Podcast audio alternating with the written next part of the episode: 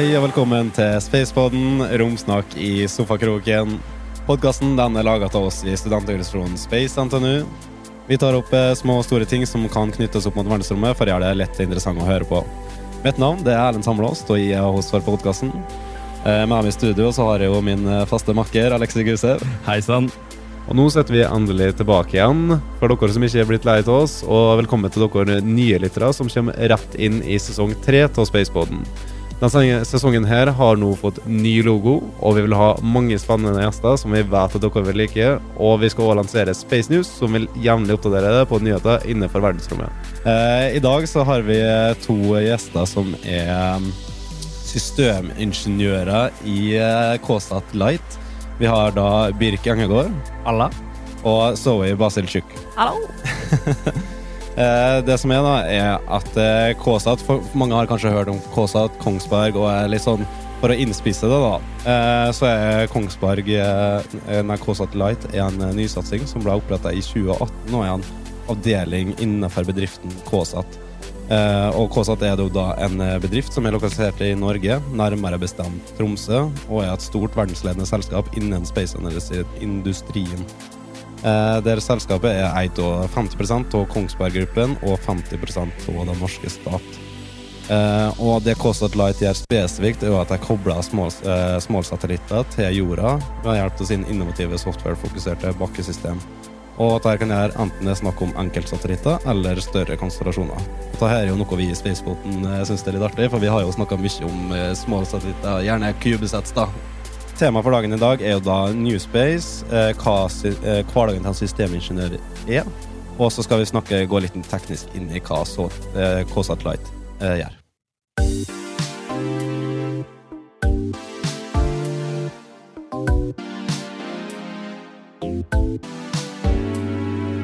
Ja, nå har jo jeg prøvd etter beste evne å forklare hva KSAT Light er, og hva da går jeg driver på med, men jeg syns det er mye bedre å kaste den ballen over på dere. Hva er det KSAT Light gjør? Jeg syns du oppsummerte det veldig bra, men det som er hovedfokuset til KSAT Light, er å standardisere måten vi gjør eh, satellittkommunikasjon på. Så det innebærer at alle antennene våre er helt like, og alt backendet bak antennene, alt som går liksom fra eh, radiobølgene kommer fra satellitten, til det blir en, en, datastrøm som kundene får levert. Det gjøres på samme måte for eh, stort sett alle kunder overalt i hele verden. Og da blir det veldig lett for oss å, å utvikle og skalere, og det blir billig for, for kundene, da, siden vi kan gjøre alt, eh, alt lettere og billigere for oss selv. Ja, for det er akkurat det som er poenget med Litt av forskjellen på Newspace og Oldspace er jo det der med at Newspace handler om å kutte kostnader og gjøre det mer tilgjengelig og bygge flere satellitter og få dem opp i verdensrommet. Og da er det jo da er det klart at da er det ganske nyttig å ha eh, også kunne klare å kutte kostnader i, eh, altså i drift og i bakkestasjonene.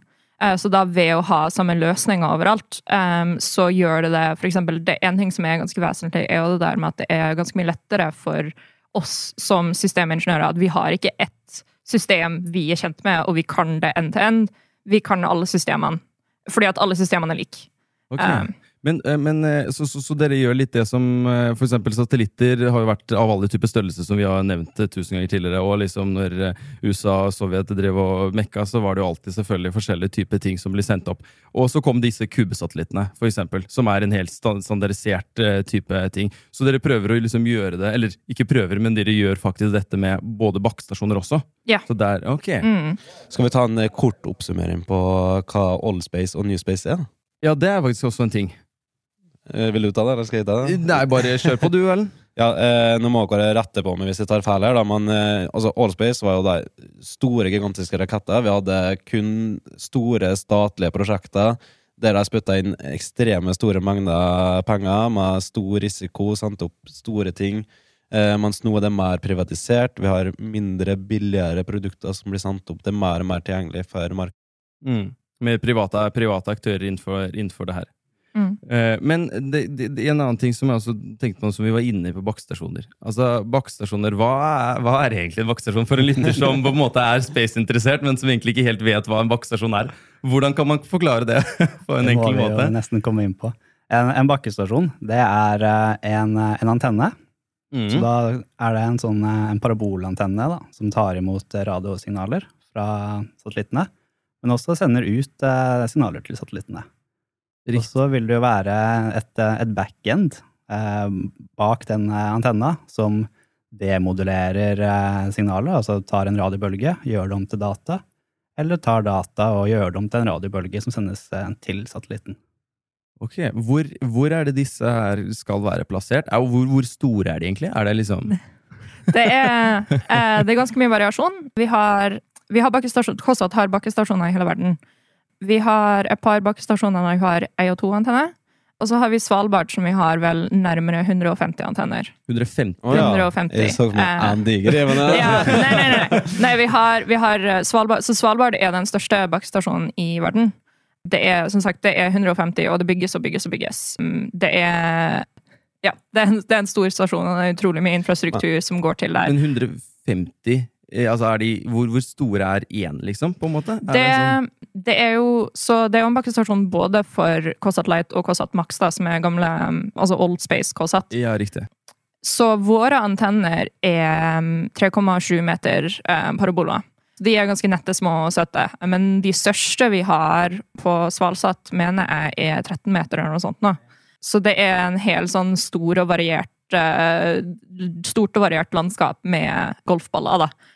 Ja, for det, det var noe som jeg skulle si. Ja. At vi, Erlend, vi, altså sånn, vi med Space NTNU, da, vi hadde en liten sånn hyttetur her for litt siden. Og greia er at vi var jo på, oppe på Bymarka her i Trondheim, og Bymarka har jo noe som heter Gråkålen. Jeg vet ikke om dere har hørt om det, kanskje, men Gråkollen Ja. Har en liksom Det er en sånn veldig stor kuleforma Linje, linje på en golfball, Ja, ja. golfball, Ja. grønn. Er dette en bakkestasjon? Det er, liksom, det er nok eller ei antenne som står inne der, ja. Ja, okay. Så det er på, på fagspråket så heter det radom. Eh, Men eh, Riktig. sånn som jeg pleier å spøke med når jeg er på Svalsett, så er jeg på, i golfballformen. Eh, For det kjennes litt sånn ut. Hva er fordelen da med at du har den typiske parabolen som tar inn signaler og får det inn mot den ballen, med at du bare har en kule? Altså, det er, det er jo en parabolantenne som står inni kula. Okay, det er det, det. ja. det er, så Ah. kula er egentlig bare beskyttelse. Så sånn som vi hadde faktisk i forrige uke, da. Og det her er et veldig godt eksempel på grunnen til at vi har stort sett alle antennene inne i radommene på Svalbard. Forrige uke så var det vindstorm, og vi har eh, faktisk av utviklinga til KSAT Light, så har vi fire antenner som ikke har fått radom ennå, for at vi rett og slett ikke har fått det har ikke vært produsert, eh, for at de antennene har blitt bygd såpass fortløpende, og vi måtte omprioritere. Vi hadde noe annet vi, eh, vi har også en bakkestasjon i Antarktis, på Trollstasjonen. Eh, Ok. eh, og vi måtte liksom prioritere å sende radioene dit, for der er det virkelig problemet hvis de ikke står eh, beskytta. Men vi hadde en vindstorm i forrige uke, og antennen vår er påregna um, kast på 24 meter i sekundet. Vindstyrke. Det, det tåler de fint, men uh, mer begynner det å bli problemer når de står ute til fri. da. Og når de står i denne golfballen, så er de beskytta mot vind. Det er jo helt um, genialt. Jeg ser det Så- for meg den parabolen som bare fyller seg med snø. Altså. Ja, det var, det var, så det var, vi endte opp med å Så den vindstormen så var det meldt 30 meter i sekundet kast. Uh, Så det måtte, vi måtte gjøre, var rett og slett parkere antennen i eh, La dem stå over natta, de kunne ikke ta pass. Fordi at de hadde kommet til å enten bli skada eller um, Altså, de har jo beskyttelse, beskyttelsesmekanismer som gjør at den går i lås hvis de får for mye vindtrykk på seg. Ja, okay. Men den kan inni der, beveger den seg Mm. ut ifra hva den skal motta og sånn? Ja. ja ok. Mm. Så si- signalet får bare rett gjennom den øverste, da. Så, Ja. mm, Ja, eller det er jo litt Det blir jo litt Signalet blir litt påvirka, men de er jo designa for å påvirke signalet minimalt. da. De er stort sett usynlige for radiobølger, de er radom, Mm. det er radonmateriale. Ja. Men litt morsomt at du nevner, nevner snø. Fordi eh, is, det kan bli et stort problem. Ja, at, den legger seg, at det legger seg is på hele Ja. Ja, okay, Vi, vi jobber mye i et frekvensområde som heter eh, X-band, som er Mm. på ca. 8 gigahertz, tror jeg det er. Og eh, da er is et problem. Eh, det signalet går ikke så lett inn is. Nei, okay. Og på Svalbard, i perioder hvis det snør mye, legger seg masse snø oppå de her eh, golfballene. Og så blir det kanskje plussgrader om dagen, så det smelter, og så blir det is gjennom natta. Så fyller det seg opp med mer og mer og mer, og Mm. mer is Å, for hver gang? Okay. Og da kan vi få mange telefoner fra kunder som ikke får dataen de skal ha. Og da er det de, eh, den ingeniørene på Svalbard, da. Da må de bare ut og klatre opp og stå med hammer og banke is. Ja, kakk isen av taket. Ja. Det er mange varierte oppgaver Ja. eh, i KSAT. Ja. Altså, for For det er litt artig når du ser for deg sånn skikkelig topp ingeniører som er liksom skikkelig datafolk, og så går de ut og må skuffe snø og Ja. der. Sittet på lesesalær i fem år, og så kommer du ut der. og Ja, Skal ut og skuffe snø av ja. Men, men er det ikke noen form for løsninger der du på en måte, sånn som på fly, der, der driver du og sprayer sånn glyko Jeg husker ikke hva det er på en måte direkte, Ja, men de sprayer jo sånn avvisning før, før det skal fly. Er det noen sånne løsninger hos dere, liksom? Eller er det faktisk kun at man fjerner det manuelt? Jeg tror det fins løsninger, Ja, men de er ofte veldig dyre. ok.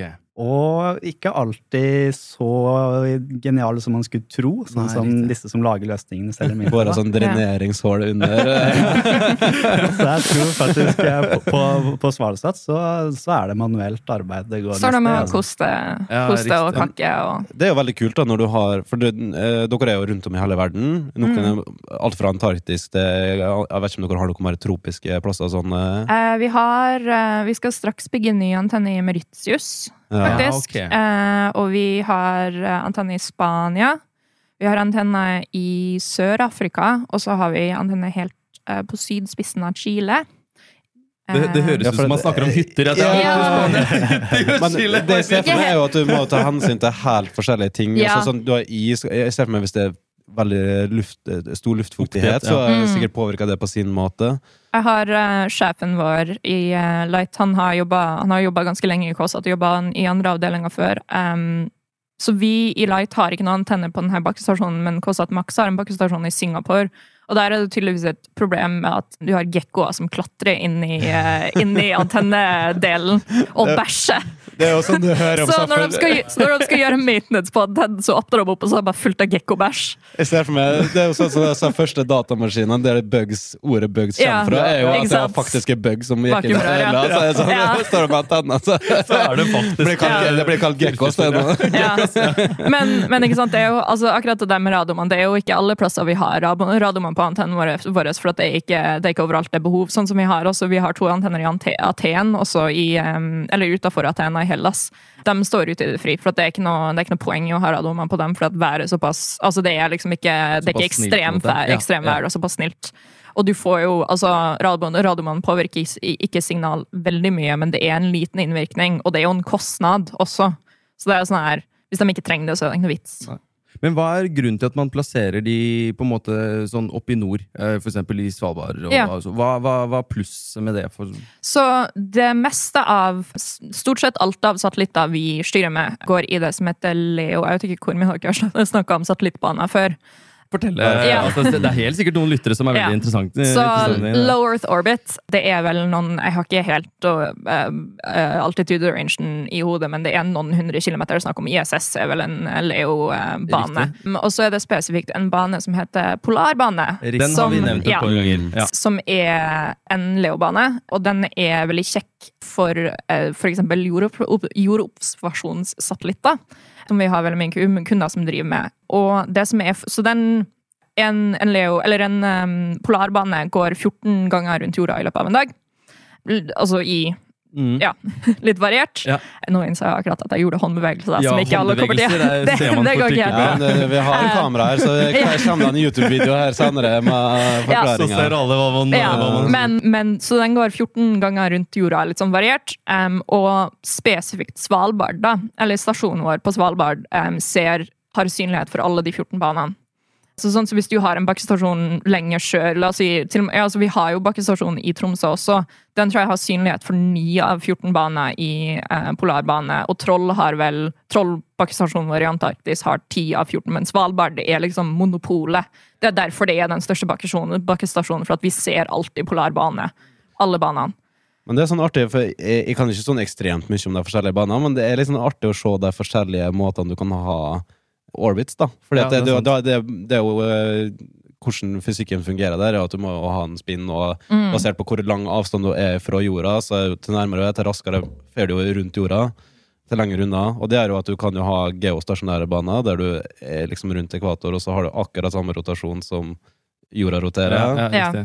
Fordelen med polarbane er jo at du kan jo dekke hele jorda med at du går liksom opp til polene og ned igjen, Ja. og så får, mens den snurrer, så får du dekket liksom over Ja, eh, forskjellige sant. Så det er mange kule ting der. Men det er interessant. Hva er den dataen som dere mottar? Hvem, hva slags satellitter er det, det dere mottar? For jeg vet, sånn for eksempel russiske Glona-satellitter de går jo i pol- polar bane. Eh, GPS osv. går jo litt forskjellig andre baner ofte. Hva, hvilke satellitter er det dere på en måte mottar data fra? Eller er det alle, liksom? Det er jo eh, mye forskjellig.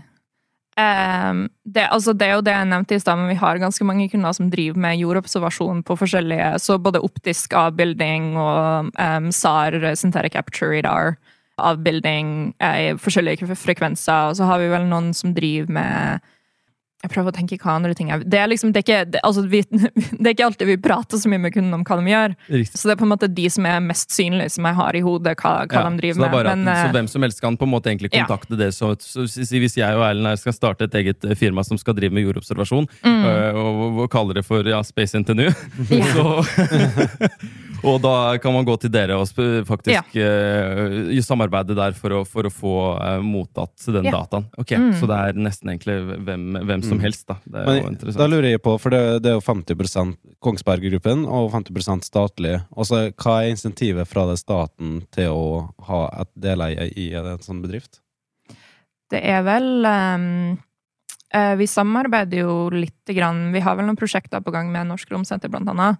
Og så er det vel også bare det å støtte For det er jo på en måte det er jo en stor næring, så det er vel noe med å støtte opp under den næringa og være en del av space Ja, for i Norge. Det er det, Um, det er det økonomiske veksten for Norge, da, du tenker? Ja. Og så eh, det andre som er faktisk egentlig en større Jeg tror staten har større interesse av, som vi ikke har snakka om ennå, at KSAT er ikke bare bakkestasjonstjenester. KSAT, vi har en hel avdeling som driver med realtime jordobservasjon. Så egentlig da på en måte kjøpe tilbake dataen vi har tatt ned fra kundene våre sine satellitter, og så gjøre realtime analyse. Og for å se på skipsovervåkning, for å se på, se på oljesøl. Vi har, eh, de driver og jobber med å kunne se på em, avskogning og vekst i skog. Og se på, se på is i, i nordområdene og alt det der. der. Eh, Så det er jo på en måte en helt annen del av KSAT som egentlig er jeg vil si, jeg tror kanskje jeg har mer med det statlige og def definitivt mer med forskninga em, å gjøre. Riktig. Så det Ja. Ja, for, men eh, eh, sånn eh, Nå har vi jo snakket mye om vaktstasjoner, vaktstasjoner og så Generelt sett, leverer dere noe på en måte til faktiske satellitter, eller til raketter, eller noe sånt innenfor det, eller er det mer den connection? Det er jo connection vi driver med, ja. Ja, ok. um, ja. Så det er ikke noe hoved... Men, men, men når en rakett for eksempel skal lette, si det er fra Andøya i fremtiden, er, Mm. det, er det noe som på en måte dere den, Det skal være connection, sånn antar jeg, fra raketten ned. Ja. Bruker man da bakkestasjonene? Ja, riktig. Ja, så vi det, altså det er klart at det kommer jo an på Det er jo eh, I hvert fall en del av de større aktørene har jo mye støtte, har jo mye på en måte egen støtte når det kommer til launcher og, og alt det der. der. Men vi er definitivt også involvert i å snakke med selve rakettene også. Riktig. Vi jo, vi var jo her på Spaceport Norway, eh, Erlend. Mm. Og eh, de, der var det jo presentasjon fra ISAR Aerospace. Og de skal jo launche en rakett der om ikke så veldig lenge fra Andøya, så vidt vi har forstått. Eh, kan dere se for dere at, det er, at dere på en måte kommer til å motta data fra den, eller er det noe helt at de skal drive med sine, sine ting? Jeg vil anta at det blir, eh, blir samarbeid der. Mm. Andøya kommer sikkert til å ha helt egne bakkestasjoner som de bruker eh, primært. Og så vil de nok også ha, ha Ja. påsatt eh, installasjoner i tillegg. Ja, ikke sant? Altså, Andøya, Andøya hittil har jo kun drevet med sandingraketter. Så det er jo stort sett sånn som eh, de kan snakke med hele veien Eller det har vel For de har vel hatt noen der de skyter over, så opp til Svalbard. Ja. Mhm. Jeg, jeg studerte i Tromsø, så jeg har vært, jeg har vært en del turer på, Andøya. ja. jeg, har faktisk, jeg har vært med på studentrakettoppskyting på Andøya også, faktisk. Men, eh, men, ja, men når det kommer til at de skal begynne å skyte ting i bane, så er det en god sannsynlighet for at vi kommer til å være mer eh, liksom, direkte involverte, Mm. vil jeg si. En, en bakestående, Dere sa at dere har 150 eller hva det var på Svalbard. På Svalbard, ja. Er er det sånn at da er det én bakkestasjon har kun kontakt med én satellitt i gangen? Eh, en ha- antenne. En antenne. Så i teorien så kan vi ta 150 Eller jeg, jeg vet ikke om det er nøyaktig 150 antenner vi har nå for tida, men, men, eh, men vi kan ta like mange pass som det er antenner på bakkestasjonen. Så det er jeg, jeg, vet, jeg vet ikke om jeg kan si at eh, alle antenner noensinne samtidig har vært i bruk på hele Svalsat, men eh, det, har, det er definitivt perioder, spesielt sant, etter de her store transporter-launchene, der vi har veldig mange satellitter som er akkurat launcha og går i samme bane, så har vi gjerne samtlige light-antenner tar pass samtidig. Ja, okay. Det, det, så vi kan ta nå, nå har jeg, jeg vet ikke hva, jeg husker faktisk ikke hvor mange light-antenner vi har der oppe i hodet. Men, eh, men det er jo snakk om sånn her 10-15 pass som går. Men I- i leier du da på en måte i den tidsperioden du er i det siktet, da, og så kommer det kanskje en satellitt bak deg som tar Ja. over når du er ferdig? Ja. Så når vi sier pass, så mener vi på en måte en synlighet for en spesifikk satellitt. Og da, da har de på en måte da, da, ja, da har de den tida Og de trenger, altså kunder trenger ikke faktisk å booke hele tida, så satellittene er synlige hele Vi har noen kunder som gjerne bare tar liksom typ fem minutter når den er høyest oppe, når den er nærmest um, som, Altså, blir ikke egentlig apogé, men apogé på, på, på um, Og så kan, kan nestemann bare ta over, og da vil jo antenna bare få beskjed om at ok, nå skal jeg peke en annen plass. Mm, mm. Mm. En, en, altså vi har jo nå på en måte snakket mye om eh, det tekniske og bakkestasjoner og satellitter og alt sånt. Men så nevnte du jo det med Oldspace og Newspace og sånt. da. Og det er jo alltid en litt sånn morsom ting eh, som har på en måte i det siste Elon Musk har jo kommet fram, og liksom det er jo veldig veldig stort. da. Og vekst liksom innenfor sånne private selskaper skaper jo alltid, skaper alltid noen sånne feiltagelser. Eh, eller folk kan begynne å tenke litt sånn, eh, litt sånn rare ting. Og da toppen eh, av dette er liksom en sånn komisk debatt da, som har eh, kommet opp i det siste, og er liksom for eksempel, hva tenker dere? Elon Musk, er han en superhelt, eller er han en superskurk? Jeg tror ikke det går an å ha så mye penger uten å være en skurk. Nei, riktig. Eh, det er min personlige mening, men jeg vet ikke om vi skal snakke altså på en måte gå over og snakke litt mer på det. Men jeg vil si at samtidig som det er min personlige mening om Elon Musk, så, hadde, så mener jeg også egentlig at Newspace ikke hadde fantes uten privatisering av romfart. Så det er jo for på en måte for industri og for eh, Altså for for jobbene våre så er det jo fantastisk. Eh, og også for eh, på en måte utviklinga av rombransjen så er, har privatiseringa vært superviktig. Ikke sant. Men har, har Norge på en måte egentlig altså Norge har på en måte begynt med mer og mer av privatisering, det ser vi jo på en måte. Men old Oldspace og Newspace, hv- hv- er det noe skille mellom dem i Norge? Ser man det klart? Eller er det noe Oldspace i det hele tatt som er igjen eh, her i Norge? Er det det? Det er jo fortsatt mye mye space, altså oppdrag som krever eh, større antenner, som kanskje ikke er i den eh, Leo-banen. Mm. Da vil du kanskje trenge en 13 meters antenne i stedet for eh, 3,7. Og kanskje at du er mer avhengig av en spesialisert løsning, da. Kanskje den standardløsninga som Light eh, tilbyr, ikke passer for dette større missionet. Da vil de trenge en customized løsning, da, som vi har i, i KSAT Max. Ja, ok. Og KSAT Max det var på en måte den Oldspacen som du snakket om, som var mer eh, Ja. De, denne den avdelinga har, de har større antenner, og de har mer rom for å utvikle nye løsninger og tilpasse seg hva kunden eh, ber om. Da. Ok. Så det er Det- ikke så veldig standardisert, men er mer levert Stemmer. for Ja, ok. Da, da får de en spesialløsning. Jeg pleier å forklare på en måte, forskjellen på Light og Max da, på at um, når det kommer til Oldspace og Cosm- Cosant Max, så kommer kunden og sier hei, her er satellitten vår, fiks noe så vi kan prate med den. Og så kan det gjerne finne på å bygges en egen antenne. Eh, Det blir helt radioer som, som kan være opptil helt spesialdesigna for å spesifikt ta downlink på den, den satellitten. Og det blir på en måte, det er kun den antenna som kan kjøre, som kan ta imot data fra den satellitten. da.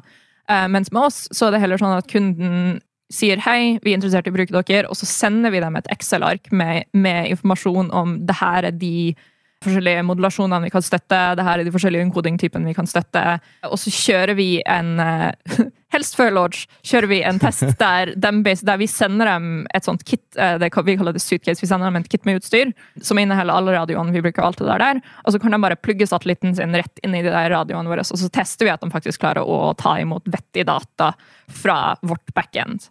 Sankt. Så det er, sånn det er heller det at vi sier her er det vi kan støtte, fremfor at dem, kunden sier til oss finn noe som kan funke.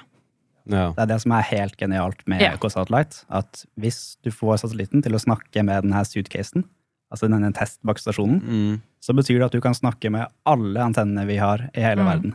Og det er ikke noe, det er ikke noe ekstra, ekstra jobb, ekstra Ja, det er jo genialt. Alle sånne standardiseringer er jo Altså, jeg er jo studerer jo logistikkingeniør, alle sånne standardiseringer er jo eh, Det elsker jo vi, ikke sant? Når containeren kom, at det så bare der. Ja, revolusjon innafor Da det var en interessant måte. Container er en revolusjon Ja, for ja, ja. Det- ja, se på skipstrafikken, det er jo genialt. Ja, det er jo det. Det er bare litt morsomt at det. Ja. er containeren som revolusjonerer det meste. Ja, Du må ha noen innovasjoner og så bare eh, fikse alt. Men eh, det jeg lurer Vi vet jo at eh, dere banka litt eh, snø av en tanne inn i åndet, men hva annet gjør enn eh, systemingeniør? Vil du starte, Birk? Ja, Vi, vi, eh, det er jo denne testinga da, som vi snakka om, med suitcasen. Og så er det Det er setup av, av nye antenner. Det er vel det vi gjør mest eh, for tida. Vi, har Ja. jo, vi øker jo antall eh, kunder og antall satellitter vi, vi støtter. Eh, nesten eh, hver, eh, hver måned så, så dobles det. Så da, Ja. oh yes. Vi, eh, vi Ja. prøver å i hvert fall gjøre ting fått, smartere. Da. vi har fått en ny ingeniør i år. Eh, men, men nei da, vi øker ikke, øker ikke antall ansatte like mye som vi øker antall, antall satellittpass, nei. Men, eh, men vi gjør jo også En ting vi ikke kanskje har snakka så mye om enda, er jo at i tillegg til at vi på en måte har en standardisert løsning, så har vi en del eh, på en måte automatisering av um, For at, ikke sant, en viktig del av KSAT er jo egentlig ikke bare det at vi tar ned data, men å passe på at det faktisk ting funker. Ja. Um, så KSAT i Tromsø og på Svalbard så har vi uh, sånn 24-7 operasjonssenter, uh, der det er folk på vakt hele tida og følger med. Og hvis, opplever, hvis vi har kunder som opplever at de ikke får data, eller at de, ikke får kobla seg på, sånt, så kan de ringe de operasjonssentrene. Og da eh, kan de enten sjekke om det er noe som er åpenbart et problem, eller så ringer de videre til oss. Men i Light så har vi på en måte et helt system som um, automatisk kan, kan varsle og bare komme med et sånt blinkende lys på, her, eh, på de her skjermene inne på operasjonssenteret som sier ifra at hei, det, er, det er noe feil med med denne antenna, eller eh, det ser ut som det kan ha vært noe feil med det passet. Um, og også i tillegg til automatiseringa av på en måte varsling, så har vi litt, uh, litt automatisering, internt for å gjøre liksom Hvis vi skal gjøre noen endringer på systemet, at vi kan sende det ut til alle bakkestasjonene samtidig, fremfor at vi må nødt til å logge inn på én og én og, og Mm. gjøre en oppgradering eller noe sånt. nå. Operasjonssenteret det er på en måte kontrollsenter? Eller Ja. man en, ja. Har dere mange av dem, eller er det ett stort et sted? Det er uh, en i Tromsø, og så er det en på Svalbard. Og det uh. kontrollerer på en måte Ja, eller De sitter jo ikke aktivt og kontrollerer, de sitter Nei, og nei, følger med på ting. Men, Men, jeg, jeg men, mener ja. at ja, det er ikke sånn at du sitter og styrer eh, Ja. med spaker og, og kontroller. Det, det, men jeg tenkte liksom det er der på en måte de kontrollerer og passer på at uh, Ja, så de, eh, og de jobber i skift. eh, Så det er kontrollerlig. Det er sånn 12 timer. På, på, I Tromsø så er det 12 timers skift, også på Svalbard så er det 24 timers skift.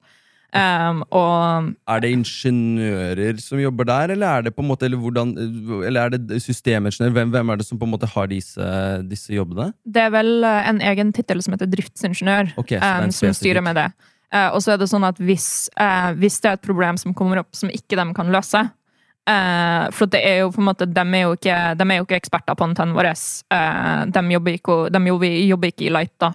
Eh, og de er jo heller ikke eksperter i liksom, alle spesifikke systemer for maksantenn. Så hvis det er på en måte som er mer teknisk enn at de får sjekka det på eh, der og da, så ringer de oss, da. Okay. Um, Men systemingeniør i, i, i seg selv, på en måte sånn, hva, hva er det dere Er det hovedsakelig programmering, eller er det mer av det mekaniske, tekniske, eller hvordan For det ordet system på en måte Ja. kan bety veldig mye forskjellig. Ja.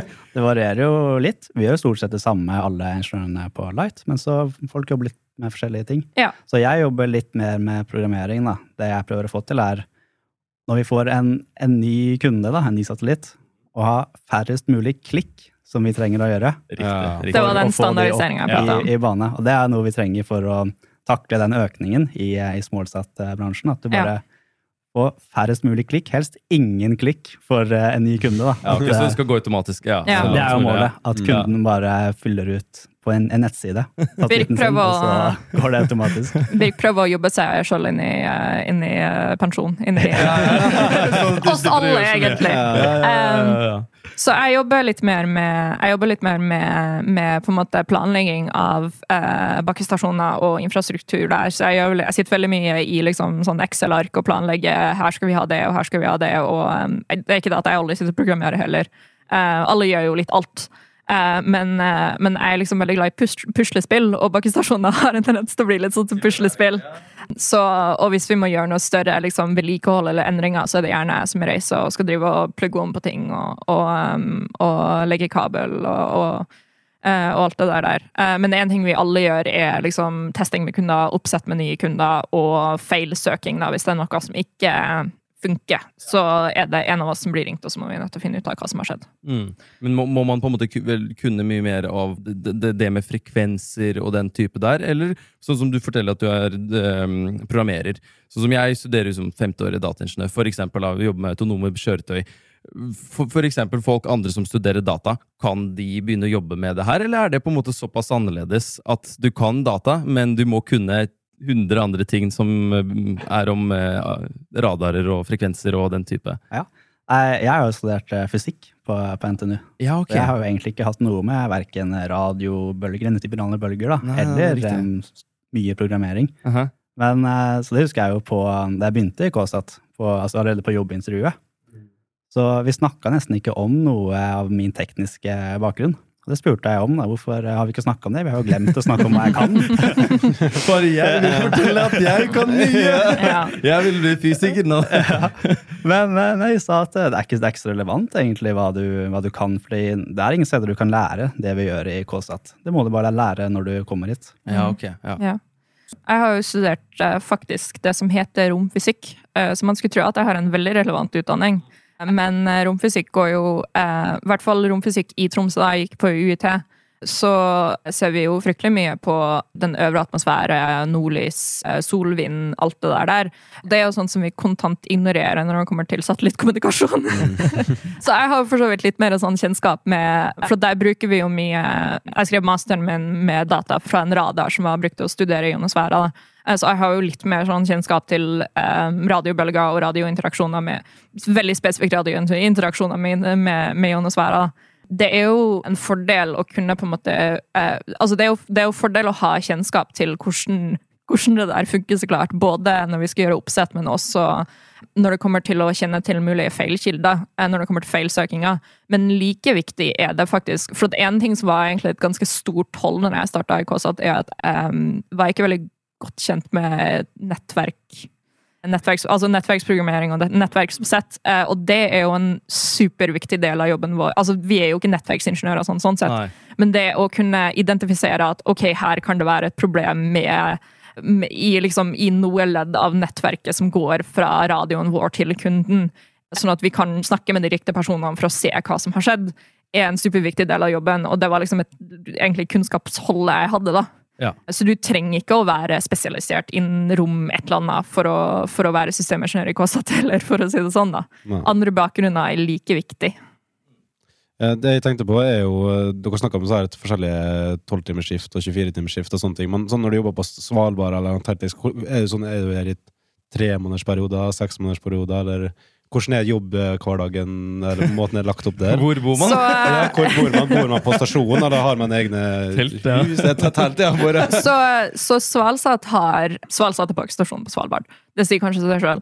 Svalsat har egne ansatte. Eh, så det er både ordinære systemingeniører som jobber der fast, og også i tillegg så er det det operasjonssenteret som er der oppe. Så vi reiser gjerne opp dit liksom hvis vi skal gjøre noen større operasjoner på, på eget på light-utstyret, så reiser vi opp, og da er vi gjerne der i liksom tre-fire dager til ei ukes tid. Og eh, da bor vi eh, Kåssat har et hus i Longyearbyen vi kan liksom booke. Eh, og så bor vi jo bare der, for det er såpass hyppig besøk fra forskjellige avdelinger som skal gjøre, liksom, skal gjøre sine ting, at det gir mening. Troll er jo en litt annen story. Og det er så, den som er oppe i det er den som er i Antarktis. Riktig. Mm. Troll forskningsstasjon eies jo av Polarinstituttet. Og de har eh, såkalte overvintringspersonell. Som bor, der, he, som bor der i et år av gangen. Altså, de har en elektriker, de har en uh, forskningstekniker, de har kokk, de har lege. De har vel rørlegger også, tror jeg. faktisk. Så det, det, her er jo som å dra til ja. verdensrommet. Du må ja. ha med alle, ikke sant? Ja, ja, ja, ja. Nei, det, er, det, er, faktisk litt sånn. Det er nesten eh, så det, Og vi, eh, så vi har ikke noe fast KSAT-personell som jobber på Troll året rundt. Men vi leier liksom litt tid hos forskningsteknikere. da, så Hvis vi har noe issues, kan vi sende melding til dem og si hei. Vi må, vi må nødt til å ha hjelp med det her. Kan du bytte vifte på den serveren? Eh, Det har skjedd. og, eh, og i tillegg til det, da, så er det i løpet av sommersesongen på Troll, som er egentlig nå snart, i løpet av november og desember og januar, em, så eh, flyr en større kohort med både forskere fra MPP og fra andre Nei, ikke MPP blir ikke rett. NP. Og andre, andre forskere som er eksternt, som vil bruke Trollforskningsstasjonen i tillegg til personell fra KSAT, flyr ned og er der alt fra en måned til tre måneder i strekk frem til den sommersesongen er over, og du kan ikke fly inn lenger.